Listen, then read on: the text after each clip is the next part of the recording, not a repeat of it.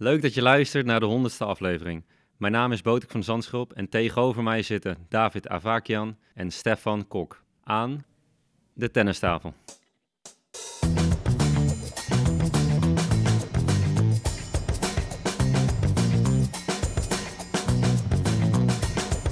Please take your seats quickly, ladies and gentlemen. Thank you.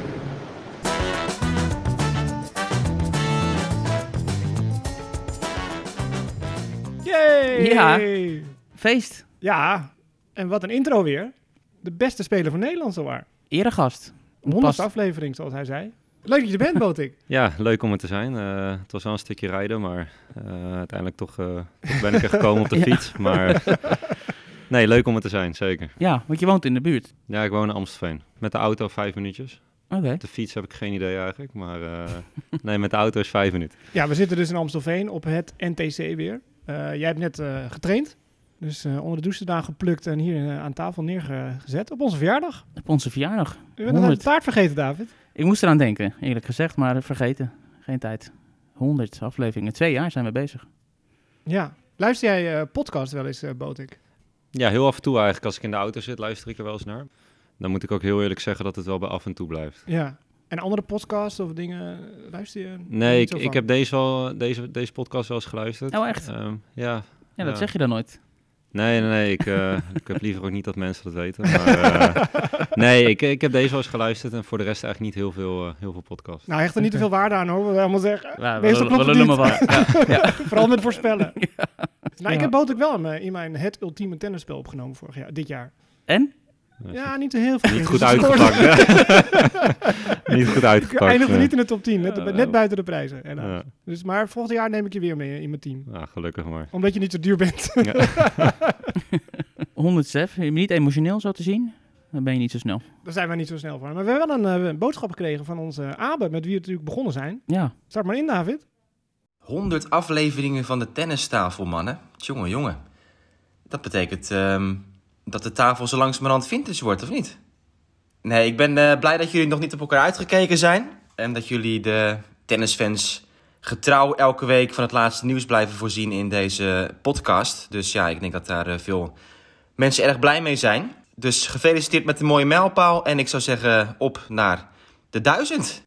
Nou, dank aan onze voormalige presentator. Ja, zo kun je hem wel noemen, ja. ja. Ja? Hij heeft eh, heel druk met andere werkzaamheden, Ja. dus vandaar dat hij al lang niet is aangeschoven aan tafel. Hij is altijd welkom. En Ja. of we de duizend gaan halen, dat eh, betwijfel ik, maar we gaan het doen. Nou goed, Botik zit nu aan tafel en dat is de eerste keer. Maar jouw naam klinkt natuurlijk week in, week uit bij ons. Toch, Stef? ja, dat moeten we wel bekennen, ja. Je luistert af en toe, maar je komt elke week voorbij. Nou, dan moet ik maar vaker gaan luisteren. Dan ben ik wel benieuwd wat jullie over me zeggen eigenlijk. Maar op zich is het natuurlijk logisch, hè. Je bent onze nummer één, je hebt een eh, volledig jaar op de ATP-tour gedraaid, dus je komt veel voor. Wat is het eerste te binnen schiet als je aan je jaar denkt, wat je achter de rug hebt? Ja, eigenlijk van alles. Ups, downs, wisselvallig. Ja, en ook mijn eerste hele jaar op de ATP-tour. Heel veel nieuwe plekken gezien, nieuwe toernooien gezien. En ja, dat was soms even wennen. En ja, mijn niveau was eigenlijk wat, wat wisselvalliger. Ehm, heel veel goede weken ertussen gehad. Ehm, maar ook wat eerste rondes ertussen gehad. Ja, dat is iets wat ik volgend jaar, eh, volgend jaar eigenlijk wil verbeteren door, eh, door constanter te zijn. Maar ja, dit is wel waarvan je, ja, waarvan je droomt, denk ik, om een heel jaar op, op de ATP-tour te mogen spelen. Ehm, dat je al die toernooien mag afgaan, ehm, op al die plekken komt. Dat is wel iets anders dan de challenges en de futures. Die plekken, wat was de mooiste? Wat was de, de minste? mooiste is Indian Wells vind ik geweldig. Monte Carlo was heel erg mooi. Eh, maar ik vond bijvoorbeeld ook Queens geweldig.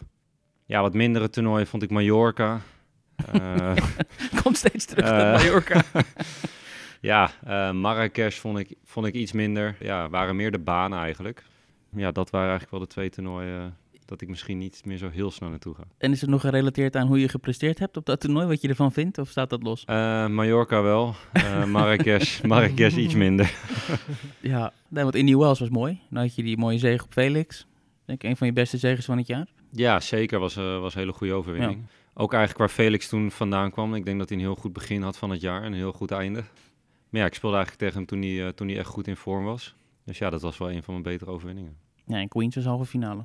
Queens halve finale, Monte Carlo eerste ronde. Dus eh, het is niet allemaal eh, re- resultaat eh, gerelateerd. Ja. Nou, we hadden het vorige week met Tellen erover, inderdaad. Die heeft ook die transitie gemaakt natuurlijk, van Challenger Tour naar veel of volledig op de ATP Tour. Dat het voor hem ook voor het reizen heel zwaar was. Want de Challenger toernooi is dan wat dichterbij of zo, de minder reisafstand. Is dat voor jou ook zo zwaar gebleken? Ja, je hebt wel wat meer verplichtingen, verplichte toernooien bijvoorbeeld. Kijk, Australië is iets waar je, waar je ook naartoe gaat als je, als je Challenger speelt. Maar ja, daartussendoor heb je nog even Indian Wells Miami, waar je naartoe moet. Ja, ik heb zelf niet heel erg veel moeite met, met het reizen eigenlijk, eh, met de afstanden. Maar ja, ik heb eigenlijk ook de Challengers altijd in Europa gespeeld. Ja, dan de kwalificatie van de Grand Slam, dan steek je wel de zee over. Ga je wel ergens anders naartoe. Maar ja, het was zeker meer reizen. En we hebben nu nog niet eens... Ja, ik ben niet naar China, de Azië-tour, ben ik eigenlijk nog niet naartoe geweest. Dus ja, dat zal volgend jaar ook wel nog iets anders worden als die er weer bij komt. Dat is zeker, dat komt weer terug. Ja, hangt toch van corona af ook. Ja, Shanghai, dat, is, eh, dat wilde volgens mij dit jaar niet de licentie weggeven. Dus ze kon het nergens anders, eh, ergens anders organiseren. Maar ja, hopelijk komt het volgend jaar weer, eh, weer terug. Een mooie plek. Ja, ben je geweest? Ja, ja met Aber geweest een keer. Dat is fantastisch.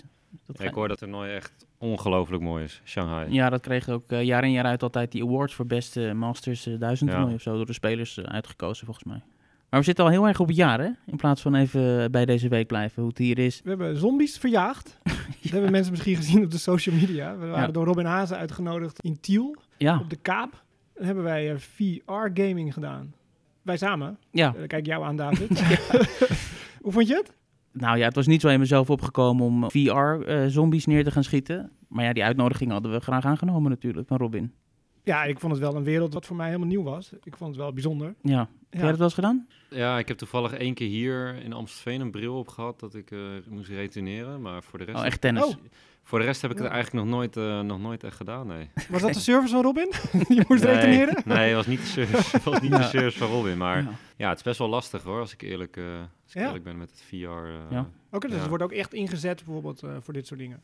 Ja, ze hadden hier een experiment en eh, ja, ze wilden dat wat spelers daaraan meewerkten. Dus eh, En wat voor service krijg je dan? Isner of... eh, het waren verschillende services door elkaar en dan gingen ze kijken of dat je het kon lezen waar iemand, eh, Oké. waar iemand heen sfeerde. Maar ze hadden alleen een aantal verschillende spelers door elkaar gedaan. Dus Ja. ja, dus je krijgt elke keer een andere service tegenover je. En dat is wat lastiger te zien als je, Ja. als je op dat VR bent. Dan is het toch wat houteriger. Dus ja, het was best wel lastig om, eh, om in te schatten waar die service heen ging. Ja. Nou, ja, dus wij eh, hebben spelletjes gespeeld. Eh, jij keihard getraind? Ja, hele week getraind eigenlijk. Ja, pre-season is weer begonnen. Ja, veel fysiek getraind. En je bent blij als het, eh, als, als het dan de laatste dag is dat je traint. Ja, Ja. de NK Tennis is deze week. Eh, jij bent als eerste geplaatst, eh, niet heel verrassend. Dus de tennis moet ook gewoon goed zitten. Ja, zeker. Ehm, ja, het is nu nog niet dat je, dat je nu eigenlijk op je piek wil zitten. Dat je, dat je al tennis en te goed op staat. Maar het is toch altijd leuk als je een toernooi speelt. Dat je daar, eh, ja, dat wil je zo goed mogelijk doen. Maar ja, het doel is natuurlijk om, om als ik richting Australië ga, om er dan zo goed mogelijk op te staan. Dus ja, deze week zal ik ook gewoon doortrainen.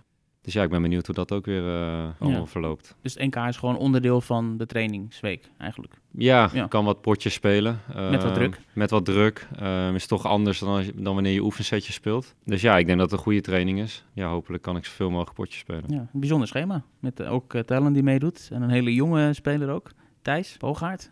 Ja, ik eh naam vaker gehoord. Ik heb hem eigenlijk eerlijk gezegd nog nooit zien tennissen. Maar ja, ik denk dat ik hem deze week wel zal zien spelen. Nou, wij hebben hem net voor het eerst ook gezien. Hij is Europees kampioen geworden onder 14. Hij heeft grote titels gehaald wat dat betreft. Ook in Frankrijk een hele grote titel. We zagen hem net trainen. We spraken even zijn Franse consultant Franse consultant ja, van de Muratoglu Academy. Die was onder de indruk. Die, was, ja, die zei dat alle ingrediënten in huis zijn om een hele grote speler eh, ervan te maken. Maar ja, goed, 14 jaar, er kan nog van alles misgaan. Nee, zeker. Er kunnen nog genoeg eh, verleidingen en, eh, en andere dingen op zijn pad komen. Wat Eh, deed jij op je ja. 14e? Ik wilde het net vragen. Ja, ik heb geen idee. Wat deed ik op mijn veertiende? Ja, ik zat op school. Ja. En, ik, en, tennis? en ik tenniste af en toe. en toe? Ik probeerde natuurlijk vijf keer in de week wel te tennissen. Maar ja, ik speelde eigenlijk die jeugdtoernooi in Nederland. En af en toe wat NRT's, denk ik, toen ik 14 was. Maar nog niet eh, naar, naar buitenland. En... Nee, nee, zo? nee, weinig. Ja, met de zomercup deed ik dat dan.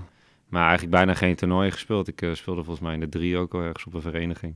Maar je, je had wel het gevoel van, ik, eh, of je trainers van, ik heb iets speciaals of ik heb iets meer dan mijn leeftijdsgenootjes. Tot 14 stond ik denk vierde of zoiets van Nederland. Dus ja, je was wel iets beter dan, dan sommige jongens van je leeftijd. Maar ja, het is toch in Nederland. Dat is toch anders dan wanneer je wereldwijd eh, tot de top behoort. Maar ja, ik had toen nog niet echt dat ik dacht van... eh, ja, ik heb iets speciaals of ik Mhm. heb iets... eh, Ja, wat ik zei, ik speelde in de drie, stond ik in de avond ergens te spelen of in de vier. ja, dat is wel iets anders Ja. dan, dan wat hij aan het doen is op dit moment. En wanneer had je dan wel door van, hé, hey, ik heb iets sociaals, ik kan hier meer werk van maken? Nou, ik ging het eigenlijk toen ik klaar was met mijn school, was ik 19, toen ging ik het eigenlijk, ja, ging ik het proberen en kijken waar het schip strandt. En eh, ja, we zijn nog steeds bezig, dus ik denk dat dat een goed teken is. Het is een bijzonder jaar geweest. Je start als de nummer 57. Je steeg helemaal in de zomer tot eh, bijna de top 20, de nummer 22. En je eindigt als nummer 35. Heel goed, toch? Ja, qua ranking is het een heel, eh, heel mooi jaar geweest, ja, zeker. Als je als 57 begint en je eindigt 35, dan denk ik dat je een heel goed jaar hebt gehad. Maar ja, als je dan 22 staat, dan went dat, eh, ook al sta ik, stond ik daar maar een week, maar dan, eh, ja, dan went het ineens snel en dan wil je daar weer snel naar, eh, snel naar terug. Dus ja, dat is ook wel iets wat ik volgend jaar, volgend jaar weer zou willen. Ja, en dat is eigenlijk een beetje het verhaal van het seizoen misschien. Prima, die ranking is heel goed, 35. Maar je hebt tegelijkertijd het gevoel, het kan nog zoveel beter. Ja, ik heb, ik heb genoeg wedstrijden gehad waar ik eigenlijk kans heb gehad om, om er meer uit te halen, wat ik niet gedaan heb. Dus ja, er zit nog zeker ruimte voor, voor verbetering. En ik denk dat dat ook alleen maar goed is. Als je nu denkt van ja, als je nu in het pre-season bent en je denkt ja, waar zullen we eens aan gaan werken? Want we kunnen niet meer, eh, Mm. niet meer veel vinden. Ja, dan is natuurlijk 35 ook een hele mooie ranking. Maar het is natuurlijk gaaf als je, ja, als je nog steeds dingen kan verbeteren en je wilt, eh, je wilt naar boven kijken. Ja, Tellen zegt dat jij top 20 staat eind volgend jaar. Wat is jouw reactie? Nou, ik hoop dat hij gelijk heeft. Ja, 22 was die al, hè? Het einde van het jaar. hè? Ja, eind van het jaar. Ja. Maar dat is dat realistisch voor jezelf een doelstelling van top 20? Ja, ik heb het er wel met mijn trainer over gehad, met Peter. En eh, ja, dat is wel iets waar we naartoe willen werken. Dus ja, dat is zeker een doel voor, eh, voor volgend jaar om daar te eindigen. Consistency is key, zeggen ze dan. Ja, consistency qua tennis, qua mentaal, qua, qua fysiek. Eigenlijk alles. En eh, ja, voor mij is dan het mentale wat belangrijker. Als ik daar eigenlijk constant mee ben, dan is mijn niveau in tennis ook vaak goed. Ja, en mijn service kan nog iets constanter. Daar zijn we nu ook, eh, nu ook aan, het, aan, eh, aan het werken. En hopelijk is dat ook iets positiefs voor volgend jaar. De ondergrens, hè? Of het basisniveau. Hoe krijg je je ondergrens omhoog? Ja, je hebt natuurlijk genoeg dagen in het jaar, genoeg wedstrijden eigenlijk, dat je niet goed speelt. Of dat je denkt dat je beter kan. Of dat het eh, moeilijke omstandigheden zijn. Misschien voel je je niet helemaal goed. Ik denk dat dat dagen zijn dat je een goede basisgrens moet hebben. Een goed basisniveau moet hebben. Ja, en ik denk dat vooral met, met al die omstandigheden omgaan, ik denk dat dat het belangrijkste is. Ehm, en ja, dat is toch mentaal, denk ik. Als je mentaal kan blijven nadenken op de baan wat je moet doen tegen die jongens. Tegen bijvoorbeeld iemand die 70, 80 staat en ja, je weet wat je daartegen moet doen en je kan dat eigenlijk in rust uitvoeren op de baan, ondanks dat er allemaal dingen spelen waar je misschien aan kan irriteren. Ja, ik denk dat dat gewoon een heel bepalende factor is voor je basisniveau. Ja, en als je daaraan gaat irriteren, dan kan je ineens door je, in ieder geval ik dan, kan dan door mijn, door mijn ondergrens zakken. Is het ook een soort van dat je moet ontdekken of je je speelstijl tegen deze topjongens, dat je daar nog zoekende in was of bent? Van hoe moet ik nou spelen? Wat is nou het beste boot ik, zeg maar? Ja, af en toe ben je zelf nog een beetje aan het zoeken naar wat je speelstijl is. Ja, dat je misschien tegen jongens die, die qua ranking wat lager staan, dat je misschien op een andere manier ook kan winnen. Maar dat is iets wat, ja, als je tegen jongens die 20, 15 staan, dan, ja, dan kan je eigenlijk niet meer echt hopen, zeg maar, dat de ander wat fout doet. Het is gewoon dat zij op belangrijke momenten spelen zij hun spel en gaan ze je niet zomaar wat cadeau geven. En dan moet je het toch echt zelf gaan halen en dan moet je dat dan doen vanuit jouw kracht, vanuit wat jij fijn vindt. Ja, en dat is nog iets waar ik af en toe naar op zoek was afgelopen seizoen. Is het dan zeg maar bij de challengers kwam je daar wel mee weg en dan nu niet? Net het niveautje hoger? Ja, daar kwam je dan af en toe ermee weg. En eh, ja, dit jaar ook nog wedstrijden gewonnen. Maar tegen misschien jongens die 60, 70, 80 staan, waar dat ook nog genoeg was. Maar ja, als je die stap naar boven wil maken, dan, ja, dan moet je toch meer vanuit jezelf gaan spelen.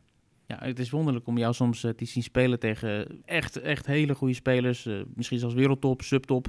Dat je dan eigenlijk precies weet hoe je het wil aanpakken. En dan lukt het. Maar tegelijkertijd, soms blijkt je het zelf ook niet te weten. Dat je de keuze niet maakt van hoe wil ik deze wedstrijd spelen. Herken je je daarin ook? Ik heb het gevoel als ik tegen wereldtoppers speel, ehm, dat ik soort van de uitdaging daarin zie. Dat, ik, ja, dat je voor jezelf ook duidelijk hebt van oké, ik wil zo spelen en dat is hoe je het gaat doen vandaag. En dan kan je het heel makkelijk accepteren als er iets niet lukt zo'n dag. In ieder geval ik. En ja, als ik makkelijk dingen accepteer, dan speel ik eigenlijk mijn beste niveau. Omdat ik dan elk punt ben ik eigenlijk bezig met wat ik moet doen. En als ik het gevoel heb dat ik af en toe wat meer moet winnen, dan ja, baal je ervan als er iets niet lukt of als, als er iets fout gaat. En dan is dat voor mij gewoon moeilijker te accepteren. En ik denk dat dat vooral het voornaamste verschil is. We hadden het met ook over die spelers die niet de absolute, absolute wereldtop zijn, maar net daaronder zitten. Waar je eigenlijk heel veel inspiratie uit kan halen. De Karinje Boesta's. Gatjanov heb je zelf ook wel eens een keer genoemd. Die eigenlijk helemaal geen, geen bijzondere titels winnen. Maar die staan week in, week uit, staan ze er. Is dat iets waar je naar op zoek bent? Ja, als je, eh, als je bijvoorbeeld naar mijn laatste wedstrijd kijkt tegen Duminauer, ik denk dat dat een geweldig voorbeeld is. Ik denk dat hij het hele jaar constant is, stabiel is qua, qua mentaal. Staat er elke dag, staat hij er. Maakt niet uit wat er gebeurt tijdens wedstrijden, hij staat er altijd. En ik denk dat hij al drie jaar ongeveer rond die ranking staat en hij heeft ook hoger nog gestaan. Ja, dat zijn gewoon ongelofelijke professionals, denk ik. Maar bereikbaar qua niveau.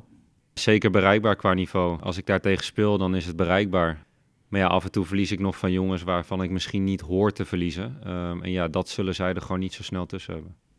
Dus dat is kennelijk heel moeilijk. Want ja, het, de dat... soort van dat die schatsen die hebben dat gewoon of zo. Nee, ik denk ook dat het ervaring is. Um, je ziet toch vaak ja, jongens die voor het eerst eigenlijk op de tour zijn, dat ze in één keer toch best wel snel naar boven gaan. En dat het tweede jaar dan uh, iets lastiger is. Ja, ik had natuurlijk al eind vorig jaar al, al een stukje gespeeld op de tour. Dus voor mij is het eigenlijk al, ik heb al anderhalf jaar ongeveer op de tour gespeeld. Ja, je ziet veel jongens die er in één keer heel snel doorheen gaan. En dan denk je, ja, die stoten hem in één keer door. En dan stagneert het even eigenlijk. Het is allemaal nieuw, uh, verwachtingen zijn anders. Tegenstanders leren je kennen ook. Tegenstanders leren je kennen. En ja, dat is natuurlijk, het verandert gewoon, het verandert continu. Ja. En dat is iets waar je, waar je denk ik aan moet wennen. En je hebt twee keer tegen Nadal gespeeld. En Djokovic en zo. Is dat echt buiten categorie waar je denkt van, nou, daar kunnen we nooit van winnen. Maar de rest in de, uh, vanaf de top 5 en omhoog is allemaal bereikbaar? Ja, ik moet zeggen, toen ik tegen Djokovic in Astana speelde, toen was het, ja, ander niveau vond ik dat.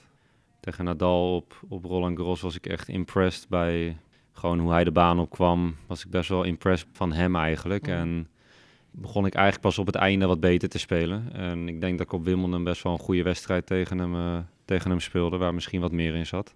Maar ja, Djokovic. Ik speelde tegen Djokovic met vertrouwen. Die had Tel Aviv gewonnen. Won toen eerste ronde daar 6-1, 6-1. Ja, toen was het wel even uh, dat ik dacht van... is even ander niveau. Daar krijg je niet zomaar, uh, zomaar een cadeautje van. Of uh, die gaat niet even verslappen. Of... Maar ja, ik denk dat dat ook weer... Eerste keer tegen mensen, eerste keer er tegen spelen, dat het toch anders is. Dat, het, ja, dat je het niet gewend bent wat er, wat er dan ineens tegenover je staat. Mhm. En dan komen ballen terug dat je denkt van... Normaal komen die niet, niet zo terug. Nee. En ja, ik moet zeggen dat ik dat wel, wel heel erg had met Djokovic in Astana. Dat werkt ook inspirerend voor je? Ja, zeker werkt dat inspirerend. Het is wel pijnlijk dat je... Nou, dat ik bijvoorbeeld naar een eerste set keek, ik eigenlijk naar de statistieken en toen dacht ik, ja, ik heb helemaal geen slechte set gespeeld. Dus ik speel best wel een goede Ja. set en je verliest 6-3. Ja, dat heb ik ook twee keer gehad tegen Medvedev in Australië. Toen speelde ik ook eigenlijk twee goede sets en ja, stond ik ook 6-4, 6-4 achter. Maar ja, dan zijn het toch de kleine kansjes die ik dan ook net niet pak en die zij wel pakken. Ja, wat dan ook het verschil maakt. Tegen Djokovic had ik bijvoorbeeld, ik denk op 2-2 of 3-3 dan breakkans of had ik een passing kunnen maken Mhm. op juice. Ja, dat zijn de kansen die je krijgt eigenlijk en die moet je met beide handen aangrijpen, want het zijn er gewoon, je gaat Ja. er niet zoveel krijgen. Ja. En ja, dat was tegen Medvedev eigenlijk ook hetzelfde. Vanaf de buitenkant lijkt het dat jij een speelstijl hebt dat je vanuit alle hoeken winnaars kan maken. Dus ook het gevoel van, jij bepaalt eigenlijk de wedstrijd. Als jij goed speelt, dan kan je van iedereen winnen. En speelt niet zo goed, ja, dan kan ook iedereen van jou winnen, lijkt het wel dan. Ja, ik heb meestal als ik niet goed speel, dat ik mentaal niet goed speel, soort van. Ja. Ik heb niet eigenlijk dat ik denk van ja, ik voel echt mijn- mijn mijn voorhand niet of mijn backhand niet of, eh, of mijn service niet vandaag. Dat is iets Mhm. wat, ja, mijn service misschien wat wisselvalliger, maar eigenlijk mijn voorhand en backhand dat ik, ja, ik heb nog niet echt gehad. Ik dacht van ja, ik voel ze niet goed. Het is meer dat ik dan mentaal wat gefrustreerder ben of dat het wat onrustiger is en dat ik Ja. ineens rare keuzes ga maken of dat ik ineens niet meer de rust heb. Tegen betere spelers kan ik dat iets makkelijker opbrengen. En ja, dan speel ik ook automatisch, speel ik dan ook, haal ik ook een hoger niveau. Je, je zegt, ik voel eigenlijk altijd mijn voorhand en backhand wel. Je, je traint echt veel, toch? Ook tijdens toernooien. Voor mijn gevoel, als ik het vergelijk met andere spelers, maak je echt veel uren. als je het vergelijkt met andere spelers. Ik maak, ja, ik maak zeker mijn uren. Ehm, ja, ik vind het ook lekker om af en, toe, eh, af en toe wat meer te spelen. En ja, sommige spelers vinden dat wat fijner. Bijvoorbeeld Tsitsipas maakt ongelooflijk veel uren. En ja, de anderen die maken wat minder uren en die voelen zich daar weer beter bij. Ja, dat is gewoon wat iedere speler eigenlijk voor zichzelf gedurende de weg eigenlijk moet, moet uitzoeken en eh, moet onder, ondervinden eigenlijk. Je neemt zelf een paar keer mentaal. Daar kan het dan soms wel eens wiebelen.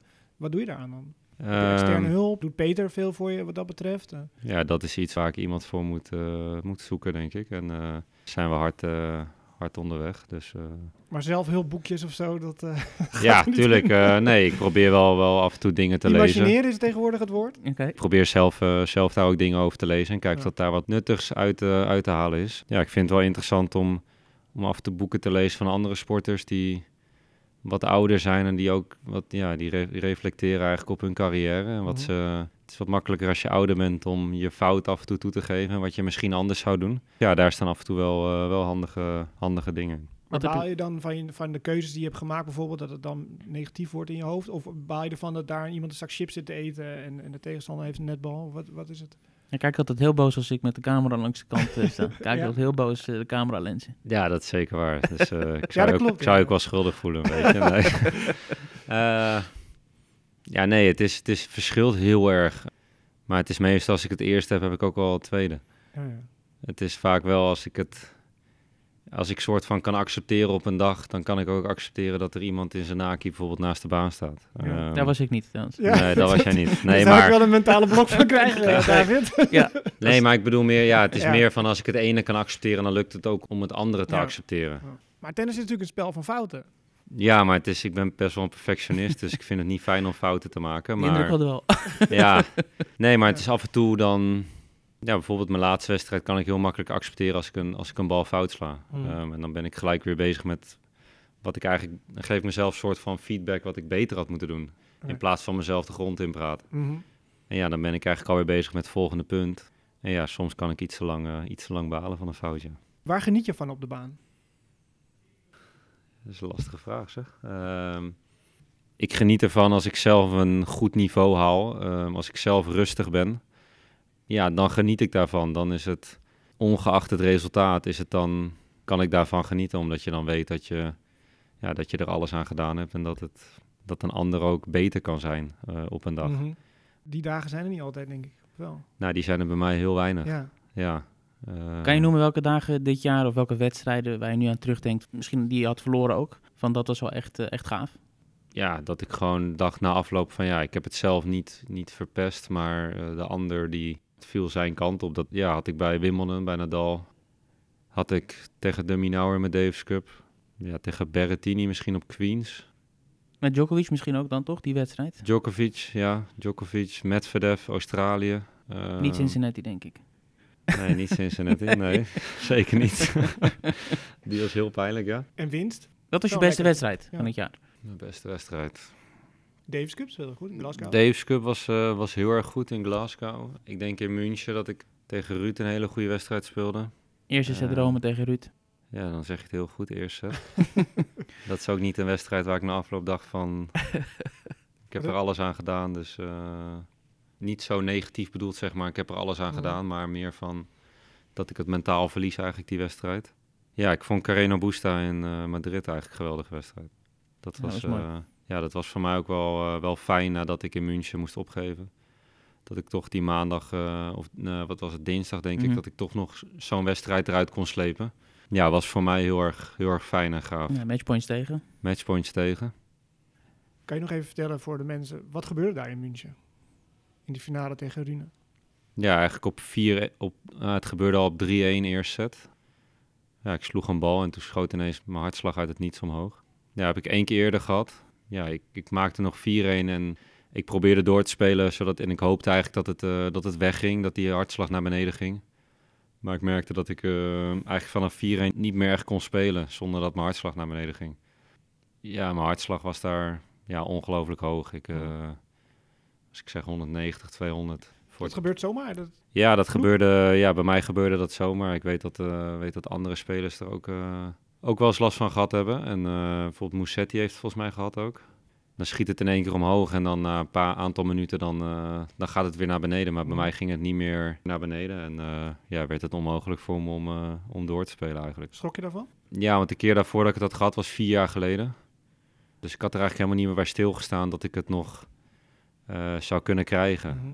Dus ja, ik schrok wel ineens. En het was natuurlijk ook het moment dat ik dacht van ja, had ik het maar gehad eh, dat ik ergens achteraf op baan, eh, baan 1 een eh, training stond af te werken. Maar eh, ja, het gebeurde Ja, je eerste finale was het. eerste finale, ja. Heeft Ja. dat iets mee te maken nog, denk je?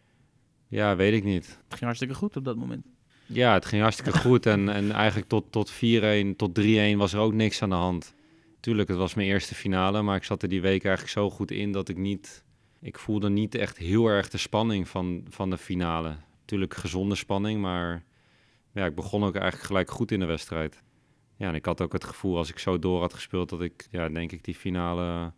dat de kans wel groot was gewonnen dat ik hem misschien had gewonnen. Maar ja, eigenlijk de keer daarvoor gebeurde het ook op een, op een random... eh, Mhm. ja, toen was het ook niet dat het een finale of een hele belangrijke eh, wedstrijd of heel iets belangrijks was. Is het gevaarlijk verder? Nee, nee, eigenlijk niet. Het is alleen onvertuidelijk als het, als Ja, het gebeurt. ja, Ja, ja. Wat was het hoogtepunt van het jaar? Zoveel om uit te kiezen? Nou, ik weet niet. Kijk, natuurlijk, Mün- München was eh, ook een, ja, was aan de ene kant natuurlijk een hoogtepunt, maar ook wel weer een, eh, Een wrang einde dan. ja, was natuurlijk een, een heftig einde. Ja, ik denk toch, eh Wimbledon was geweldig, denk ik. Eh, Vierde ronde. vierde ronde. Ja, Davis Cup kwalificeren was ook, eh, was ook heel gaaf, denk ik, met het hele team ook. De mensen die je versloeg. Ja, en de mensen en de, de wedstrijden die ik had gespeeld. Ja, en ik weet niet, ik vond Queens ook... Ik weet niet, eigenlijk de eerste week in Rosmalen had ik niet verwacht dat ik echt goed zou spelen op gras. En de weken daarna eh, ging het een stuk, eh, stuk beter. Maar ja, Queens qua toernooi is ook... Ja, David, jij bent er geweest. Ja. eh, Kwam invliegen toen je de halve ja, finale haalde. Ja, maar het is gewoon... Ja, het is zo gaaf eigenlijk. Ja, dat cent, Dat het zo. centercourt is ongelooflijk. Dus ja, dat is wel een hoogtepunt om daar ook te mogen zijn. Eh, en dat is hetzelfde voor eh, eigenlijk op centercourt eh in Wimbledon Hm. staan. Maar je hebt wel een titel gewonnen. Ja, wel, een- niet. wel een titel gewonnen. Ja, dat is niet... eh, ik was het alweer vergeten. Ik hoop niet dat Matwee dit hoort, maar... eh, ik was het alweer vergeten eigenlijk. Ja, stond niet, echt, al die eh, dubbelaars heb je gewoon iets afgepakt. stond niet echt bij mijn hoogtepunt eigenlijk. Maar dat kwam wel uit het niet, zo'n dubbeltitel in Antwerpen. Ja, ook omdat we allebei daar single eigenlijk vroeg verloren. En ja, toen speelden we eigenlijk dubbel. Eerste wedstrijd speelden we heel erg goed. We dachten ook van ja, weet je, we spelen dubbel om ook te winnen. Anders schrijven we ook niet in voor de dubbel. Ja, toen uitgespeeld eigenlijk. Ja, en als je dan halve finale haalt, dan voel je wel een beetje aankomen dat je misschien toch je, toch je eerste titel kan winnen. En het is dan jammer genoeg dat het eigenlijk een, eh, ja, ik wil toch liever een single titel dan een, eh, dan een dubbeltitel eigenlijk. Ja. En het dieptepunt? Ja, dieptepunt. Nou, daar kan ik echt uit heel veel kiezen. Dus, eh, Om je te helpen, misschien welk deel van het jaar voelde je het minst? Toch het einde van het jaar, denk ik. Amerika Swing vond ik pittig. De tweede met de US Open. Ja, US Open was misschien wel, eh, misschien wel een dieptepunt. Speelde ik een ongelooflijk eh, slechte wedstrijd tegen, tegen Moeten. Ja, ik denk dat dat wel een, eh, een dieptepunt was. Ja, natuurlijk heb ik wedstrijden verloren die ik, niet, eh, die ik niet graag had willen verliezen. Of die misschien niet heel goed van mij waren. Maar ja, ik denk toch, als ik het zo moet, eh, zo moet noemen, denk ik toch de Amerika Swing. Welke lessen kan je trekken uit zo'n eerste jaar? Ehm, ja, welke toernooien je wel, welke toernooien je niet wil spelen. Wat je fijn vindt qua toernooischema. Ja, hoeveel weken je eigenlijk achter elkaar wil spelen. Ja, welke periode je van het jaar, wanneer je wat frisser voelt. eh, wat je volgend jaar misschien beter kan doen om, je, om toch frisser te zijn na een Wimbledon bijvoorbeeld. Wat je volgend jaar bijvoorbeeld na Wimbledon gaat doen. Of dat je toch nog teruggaat voor een week naar gravel. Of dat je gelijk op hardcore gaat spelen. Ja, dat zal er allemaal van afhangen of je Toronto bijvoorbeeld hoofdtoernooi staat of niet. Dat is natuurlijk wel het doel om daar hoofdtoernooi te staan. Dus ja, dan is het misschien een optie om, eh, om het gravelseizoen daarna... Dat ik zeg van ja, na Wimbledon, ik neem een week vrij. Ik zorg dat ik daarna voor het hardcore seizoen eh, fris en fruitig ben. En dat ik me daarop ga focussen. En verwacht je radicale veranderingen in je schema ten opzichte van dit jaar? Buiten dat je Mallorca niet gaat spelen? Ja, dat is eentje die, eh, die niet zo snel terugkomt. Nou, je hebt Nee. 28 toernooien gespeeld. Is dat Ja, te ik- veel? Ja, ik ga wel iets minder. Ik wil wel iets minder spelen. Ik zou bijvoorbeeld ook goed nadenken wat ik ga doen als ik terugkom uit Miami bijvoorbeeld. Ik had dit jaar dan gekozen om Marrakesh te spelen, ook omdat het eigenlijk in Nederland toen was het nog heel slecht weer. Toen was het ook moeilijk om hier te trainen op gravel. Toen eigenlijk de keuze gemaakt, ja, ik wil graag op gravel trainen, gravel spelen. Dus ik ga een toernooi spelen en daarna heb ik Monte Carlo. Mhm. Ja, toen kreeg ik een beetje last van mijn rug eigenlijk tijdens Marrakesh. Dus ja, dat is een week dat ik bijvoorbeeld volgend jaar misschien anders zou aanpakken. ja, nu de week voor Wimbledon speelde ik vorig jaar, dit jaar Mallorca. Ook omdat Wimbledon geen punten waren. Nou, maar ja, dan sta je uiteindelijk toch op Wimbledon en dan wil je daar zo goed mogelijk, eh, goed mogelijk spelen, ondanks dat er geen punten zijn. Dus ja, misschien die week ook niet, eh, ook niet spelen. Als ik speel, dan, dan Eastbourne, geen Mallorca. Mhm. Nee, maar dat zijn, eh, dat zijn wel keuzes om, eh, om sommige toernooien wel of niet te spelen. Zo'n eerste ATP-jaar komt ook meer aandacht kijken vanuit media en fans. Hoe heb je dat allemaal beleefd? Best wel positief. Ik lees eigenlijk nooit echt de stukken over mezelf. Ik denk dat dat voor mezelf beter is. Ja, denk je dat? Ja, ik weet niet. Ik, eh, kijk, je zult altijd positieve en negatieve stukken over jezelf hebben. Het is altijd leuk om het positieve Ja. te lezen. Maar ja, het negatieve hoort er natuurlijk, hoort er natuurlijk ook bij. En dat zal af en toe ook eh, zeker terecht zijn. Ik vind het dan makkelijker om het, om het beide niet te lezen. Kijk je wel wedstrijden van jezelf terug? Ja, dat zeker. Ja, ja. ik kijk samen met Peter ook eh, vaak wedstrijden terug. Ja, om toch dingen te analyseren die misschien beter kunnen. Mhm. Of wat ik juist wel goed heb gedaan. Ja. Dus ja, ik denk dat het zeker wel goed is om, om dat te doen. Maar ja, ik denk dat het ook eh, dat er steeds meer media kwam uit Nederland naar, ehm, ja, naar de toernooien toe. Eh, vooral de Grand Slams waren veel mensen van de pers eigenlijk. Dus ja, je merkt wel dat het wat meer leeft. Natuurlijk Tim ongelooflijk in, eh, in Rosmalen. Tel die ook natuurlijk alle ATP-toernooien speelde. Dus ja, je, je zag wel dat het steeds, meer, steeds wat meer begon te leven. En ik denk dat dat alleen maar, alleen maar goed en leuk is. Heb je nog vrienden gemaakt op de Tour? Qua spelers of qua... Qua pers niet. Qua pers? Nee, die, die, die moet je te vriend houden. ja. Ja. Nee, dat is anders. Nee. ja, onze, we schrijven hem helemaal kapot. Ja. nee, je bedoelt qua spelers? Ja, qua spelers. Het is een mooie wereld. Het is een leuke wereld waar je je in bevindt. Ja, je gaat wel wat uit eten met een keer met, met, met spelers uit Nederland. Maar ja, voor de rest zie je toch dat veel spelers echt op een eigen eilandje leven. Maar je bent ook niet met eh, Camille Marchak uit eten geweest. Eh, nee, nee, nooit Goed ook, eigenlijk. denk ik dan, toch? Ik, wat dan? Hij is betrapt op doping bij drie verschillende toernooien. Oké. Eh, hij ontkent alles. Ja, zoals het vaak gaat, hè. Maar de- op drie Ja. verschillende toernooien Ja. zelfs. Dus, dus hij heeft het dan, hij heeft drie keer zelfs positief. September, oktober, november. Ja, want ik weet dat hij het namelijk goed deed in Zuid-Korea. Won hij volgens mij een Challenger en eh, won hij nog een toernooi. Of hij deed het goed in ieder geval. Eh, waardoor die top 100 weer... Ja, en dan ben je de Sjaak. Als je op Weerstand. 100 staat, dan moet je sowieso dopingcontroleurs thuis verwacht hebben, begrepen van Tellen. Heb jij ze wel eens voor de deur gehad? Ja, ik heb ze wel eens, eh, wel eens voor de deur gehad. Dat ik echt dacht om zeven uur s ochtends van... eh, wie belt er nou aan om dit Ja. tijdstip? ja, ik heb ze denk ik thuis niet zo heel vaak hoor. Ik denk misschien twee of drie keer gehad. Eh, ik heb ze wel af en toe gehad als ik dan op toernooi ben en dat ze dan in het hotel komen. En ja, dan natuurlijk de regulieren zijn, eh, zijn ook nog gewoon eh, op de toernooien die, er- die er rondlopen. Want je moet elke dag aangeven waar je bent, toch? Een uur. En jij kiest Ja. dan voor 's ochtends vroeg? Ja, ik kies voor zeven uur, omdat ik dan... Ontbijt op bed. Nee, nee, dat niet. Maar eh, ik weet dat ik om zeven uur naar de wc kan. En, ja, je wilt dat zo snel mogelijk eigenlijk wil je het geregeld hebben. Ja, het is ongemakkelijk lijkt me. Ook voor die man of vrouw die bij jou aanbelt. Lijkt me heel ongemakkelijk. Ja, ik had één keer in Rome. Ik was in het hotel en ik werd gebeld in de kamer om zeven uur. Dus ik nam op. Ik hoorde niks. Ik dacht, nou weet je, het zal wel. Word ik nog een keer gebeld, hoorde weer niks. Dus ik dacht, nou, weet je, ik trek die stekker eruit, want ik ben er helemaal klaar mee. Toen uiteindelijk weer die stekker erin gedaan, toen werd ik weer gebeld. Maar ik was ondertussen, was ik al naar de wc gegaan, omdat ik echt wakker was. Oh ja. Dus liep ik terug, weer gebeld. Ja, sorry, doping. Toen dacht ik, ja, Shit, ik heb net doorgetrokken. ja, ik, net, eh, ik was net naar de wc geweest, dus toen moest hij even een tijdje, tijdje in mijn kamer zitten. Ja. Is dat dan één persoon of is dat een heel team? Nee, het zijn twee personen. In ieder geval op het toernooi waren het... Nee, daar was het één persoon. Ze komen af en toe met twee, soms met één. Het verschilt, ja. Maar is het dan dat ze binnenkomen en als ze dan thuis is van eh, wil je kop koffie eh, of hoe werkt dat dan? Ja, ik heb ze thuis, bied ik ze altijd wel wat aan in de kamer. Dan Ja. Ja, heb ik zelf natuurlijk weinig staan. ja, zeker als ze moeten wachten kan je het maar beter gezellig houden. Ja, Ja, Tellen ging voetbal met ze kijken. Ja, dat zijn ja. ja. Ehm, nieuws over de Davis Cup. We spelen thuis tegen Slowakije, dat was al bekend. Maar nu is ook de locatie eh, bekendgemaakt. In Groningen, Martini Plaza. Zaterdag 4 en zondag 5 februari op hardcourt. Heb jij dat doorgedrukt? Ah, ik heb wel... eh, mijn voorkeur lag bij hardcore, zeker. Ik wil niet zeggen dat ik beter op hard speel, maar op hardcore, maar... Ja, je komt terug uit Australië, je speelt daarna Rotterdam. Het is wat makkelijker om dan op hardcore te spelen. Want de spelers mogen stemmen? Of hoe gaat het? Ja, ik we- dat Tellen zegt, ga mij maar gravel. Ja, we, we hebben het erover met, eh, met Paul eigenlijk. Ehm, dus iedereen geeft een beetje voorkeur. En je kijkt ook nog naar tegenstander. Ja, ik denk dat hun nummer 1 is eh Molchan en eh, die speelt beter op gravel.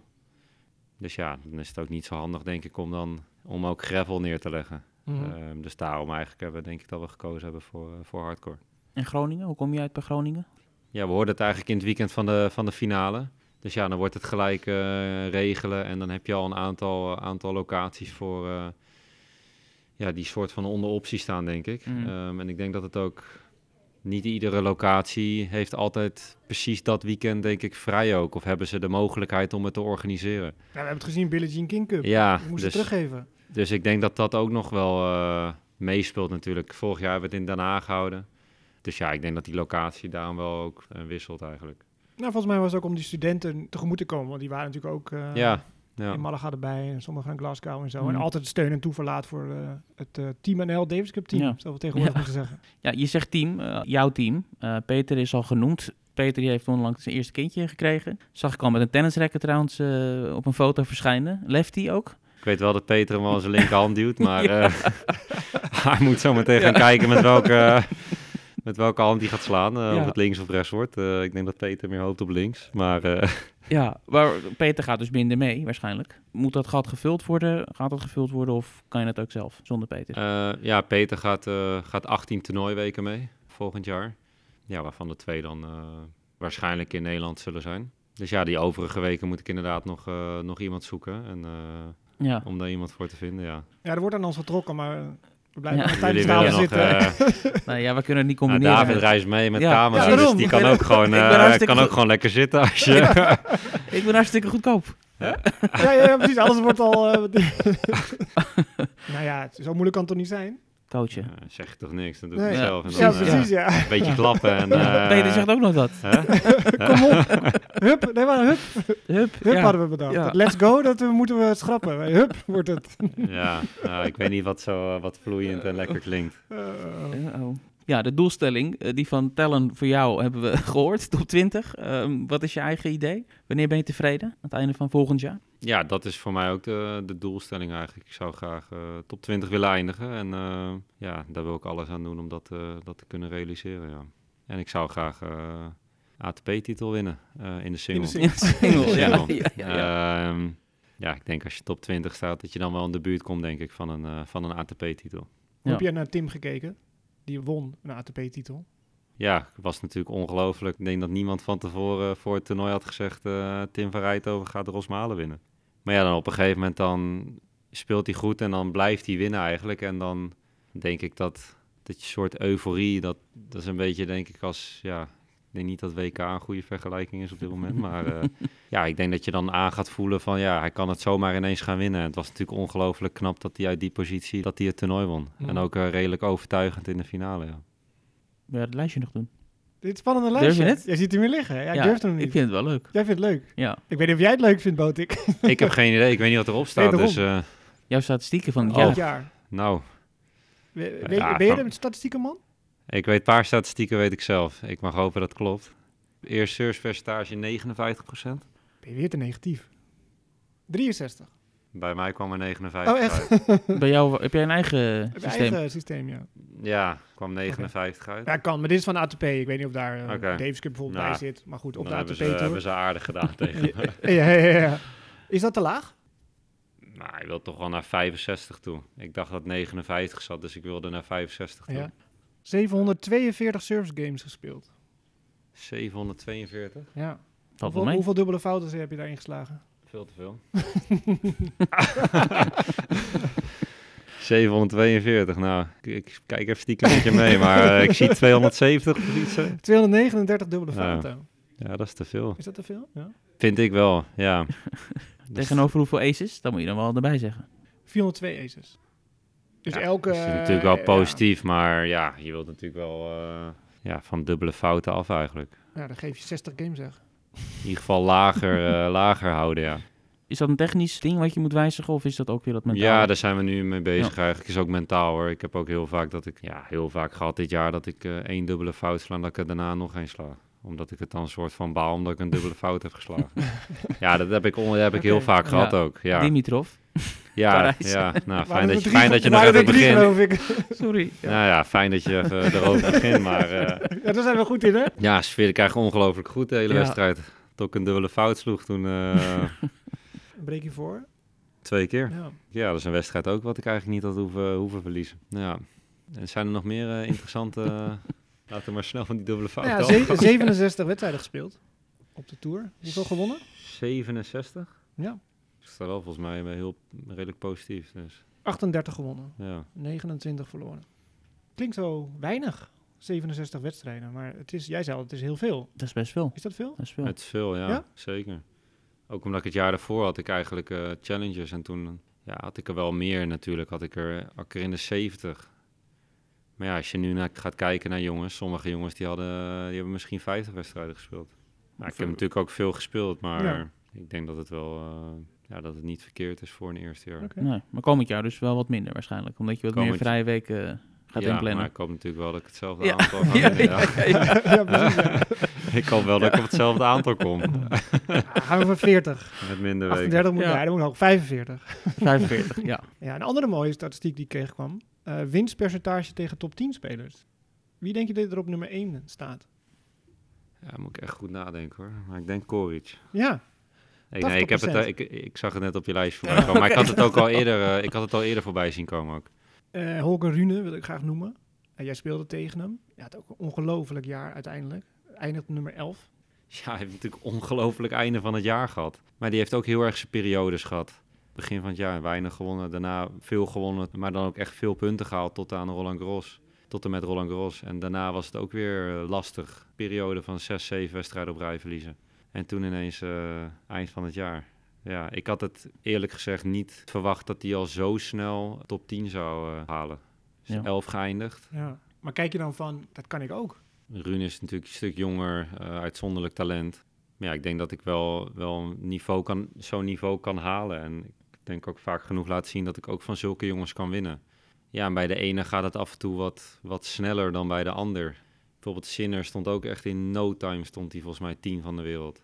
Maar ja, die staat er nu ook al anderhalf jaar. Terwijl ik toch had gedacht dat hij al een keer die, die stap naar boven zou maken. Mhm. Ongetwijfeld dat hij dat, nog, eh, dat hij dat nog gaat doen. Maar ja, bij de ene vallen alle puzzelstukjes, valt alles in één keer ehm, achter elkaar eigenlijk, of in één jaar. Ja, en dan kan het ineens heel hard gaan. Wat was voor jou de prestatie van het jaar, als je kijkt naar de collega's?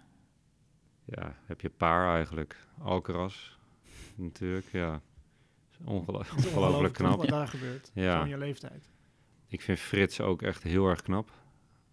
Hoe hij ook ineens eh, eigenlijk reguliere top 10 speler is geworden. Ik vind Jack Draper ook bizar knap. Ja. Het begin van het jaar, eh, Challengers. Ik weet niet hoe hoog die stond begin van het jaar. Ik, als ik 400 zeg, 300, ik heb geen idee. Ja, Maar die is natuurlijk ook als een raket gegaan. Eind van het jaar ook ongelooflijk goed. Eh, Train je regelmatig mee? ja, train, Ik ook, eh, train ik ook regelmatig mee. Ja, hele goede speler. Ja, Rune ook ongelooflijk knap. Ja, ik denk dat dat toch wel de... Of heb ik er nou heb ik iets gemist? Wat jullie... En ik vind ja... Nee, Alcaraz Ja, goed, noem je maar dat- meteen. ja. Waar, daar wilden we ook natuurlijk naartoe. Ja, dat zei Tellen ook. Dat kan je eigenlijk met niemand vergelijken. Wat hij, ja, met Nadal en dat soort categorieën. Ja. Maar niet wat wij allemaal in leven. Het is gewoon buitenaards. Als, eh, wij? Ja, wij, jij en ik. Jij niet? Oh ja, maar bij top 50 kan jij je wel identificeren. Ja, dat Oké. ja. Ja, en eigenlijk, ik vergeet eigenlijk nog eentje. Maar ja, Djokovic natuurlijk. Ja, en Nadal ook bijvoorbeeld nog Australië winnen en, en Roland Garros winnen. Is natuurlijk ook iets wat... Ja, Roland Garros misschien wel wat meer. Maar niemand had natuurlijk verwacht dat hij Australië zou winnen. In het begin van het Ja, jaar. dat je überhaupt kon spelen. Ja, Was het al weer gedoe. Wie is de beste speler van de wereld? Djokovic. Staat niet nummer 1 op de ranking. Of Nee. goed, dat is een beetje flauw, want dat weten waar dat ook komt. 10.000 Veel toernooien niet kunnen spelen. punten kon hij niet pakken. Als je het allemaal bij elkaar optelt. Ja. Dus al die Amerikaanse toernooien En en, als je de 2000 wil had geteld, dat hij nummer 1 van de wereld gestaan. Ja, zoiets. Ja, als die Wimbledon meetelt, dan had hij nummer 1 gestaan, ja. Had de ranking er sowieso iets anders uitgezien. Ja. Had jij hoger gestaan? Had ik hoog gestaan, ja, zeker. Hadden veel jongens eh, op een andere plek gestaan, denk ik. Ja, nee, ik vind Djokovic op dit moment eh ja, beste speler ter wereld. Als je ook ziet na, vond ik ongelooflijk dat hij dan speelde die Lever Cup, was na Wimbledon zijn eerste wedstrijd. En je zou denken, eerste wedstrijd van, ah, zal er misschien wel een beetje in moeten komen of, of, of het is misschien wat stroefjes. En natuurlijk, het is Lever Cup, het is anders dan, dan echt een officiële wedstrijd, maar ja, volgens mij speelde hij toen tegen Tiafo, die eh halve finale US Open had gehaald. Ja. Ik denk dat Tiafo Ja, drie of vier games haalde. Ja. Ja. En daarna is het eh, Tel Aviv winnen, is het Astana winnen, Parijs finale en Masters winnen. alsof hij niet is weg geweest. ja, hij was ook fris natuurlijk. Ja, hij was, hij was natuurlijk fris, Ja. maar het is natuurlijk ook Ja. ongelooflijk knap. Ja. En straks mag hij weer in Melbourne spelen. Dus, Negenvoudig kampioen. Kans is heel groot dat hij misschien tien had. Ja. Ja. Waar ga jij beginnen? Ik ga in eh, Pune beginnen. Dat is India? Of, of all places, ja. India. Hoezo die keuze? Van waar? Ten eerste, Adelaide was ongelooflijk sterk. Ik had vorig jaar in Adelaide gespeeld, vond ik lastig spelen. Is overal toch anders in Adelaide. De ene baan is eh, wel een dak, andere baan een half dak, andere baan geen dak. Dus ja, eigenlijk besloten om, eh, om Pune te spelen en dan de week daarna eh, wil ik eigenlijk niet spelen. En Ook- het kan nog uitmaken voor de seeding, En toch? voor de plaatsing kan het nog uitmaken. En de trip is natuurlijk van Pune naar Melbourne is ook nog wel 13, 14 uur. Mm. Dus ja, om de week daarna te spelen is eigenlijk, stel je doet het een beetje oké, dan is het al best wel lastig. Ik heb daar eerste ronde een bye, dus ik zal pas op woensdag spelen. Ik kies er eigenlijk voor om Pune te spelen en dan de week daarna niet te spelen. ehm, om te trainen in Melbourne en dan eigenlijk aan de Australian Open te beginnen. Eerst nog het NK. Eerst nog de NK. Eerst en we hebben nog een gala. Ja, Ja, we moeten nog even ons eh nette pak aan. Ja, is het echt een gala? Nee, het is een awardsavond van de KNTB. De speler van het jaar, speelster, eh, rolstoeler. Party Ja, ik zit casual. nu in mijn, in mijn joggingsbroek, dus ik moet nog naar huis om even wat normaals aan te trekken. Ja, precies. We moeten toch over de schoenen hebben. Want jij Welke bent eh, helemaal naar Marbella gevlogen. hè? Je bent helemaal Ja. ingepakt door Essex. Wat is er dan? Nou, ik was vorige week was ik bij de, de Essex Tennis Summit. Oké, Dat was in Marbella. En daar gingen ze al hun nieuwe producten presenteren. oké. Nou, jij speelt ook in Essex. Ja. Ehm, speel jij met die FF2? Ja, met die, Met die gel. FF2 Speed Solution volgens mij. Dus ga je nu ook die FF3 Novax dan dragen? Nee, niet. Wat is dat dan? De FF2 wordt FF3 vanaf komend jaar. Maar ja, Novak heeft een andere schoen dan, Dan waar- jij? waar ik mee speel. Ja, ik speel Daar zit die, het geheim, bood ik. Ja, die heeft, nee, die schoen van Novak is dat je dan eh, zo'n soort sok al erin. Ja, Ehm, Oh. En ik speel eigenlijk zonder zo'n. eh, je wil die ook niet. Zo. Maar dat was leuk, Marbella. Ja, Als was dat leuk? de vraag was. Ja, Ja, daar ben ik even benieuwd naar. ja dat was eh, fantastisch. Moutet nog geïnterviewd? Moet echt geïnterviewd. Ik heb nog Leuk. gezegd dat Ja, we niet... eh, voor jou. ik- het eerste wat ik zei is, we stellen het niet op prijs. Nee. Nee, hij zei dat hij heel blij was. speler is dat, hè? Ja, ik vind het leuk om naar te kijken. Maar ik denk als je er tegenover staat, je, dat het heel lastig is. ja, goede speler, maar eh, af en toe een lastig, lastig ventje als het, eh, als het op de Ja. baan staat. Ja, stem, Volgens mij gaat er ook een filmpje van hem rond dat hij eh, bijna knokkend naar iemand, eh, met iemand na Ja. afloop van de wedstrijd op de baan staat. Iemand die het bloed onder je nagels vandaan kan halen. Zeker, Ja, dat ja. is zeker hoor. Ja. Ja, psychologische oorlogsvoering hoort er ook bij. Je hebt het met de Argentijnen tegen Nederland. Ach, hou op. Ja, WK nou. Hou op, hou op, hou op. Laten we maar afronden, dan. Ja, afronden. ja, dat is een mooie moment om af te Afronden, ronden. ja. Nee, we willen heel hartstikke bedanken voor deze tijd die je hebt genomen voor ons om deze aflevering te vullen. De honderdste. De honderdste. ja, jullie bedankt dat ik de eer kreeg om de honderdste af Nou ja, we hebben er Ja. 99 op zitten wachten. Laten we het niet bij deze ene laten, want we zijn heel blij dat je onze gast wilde zijn. En we wensen je natuurlijk heel veel succes volgend jaar. We blijven je volgen. Ja. We blijven over je praten. en hopelijk eh, En elke hopelijk week. positief. Precies, daarom. Maar daar ga jij over. Winst en verlies Ja. ga jij over, de rest doen wij. Nee, zeker. Dus, zeker. eh, en voor iedereen eh, hartstikke bedankt voor het luisteren. En tot volgende week.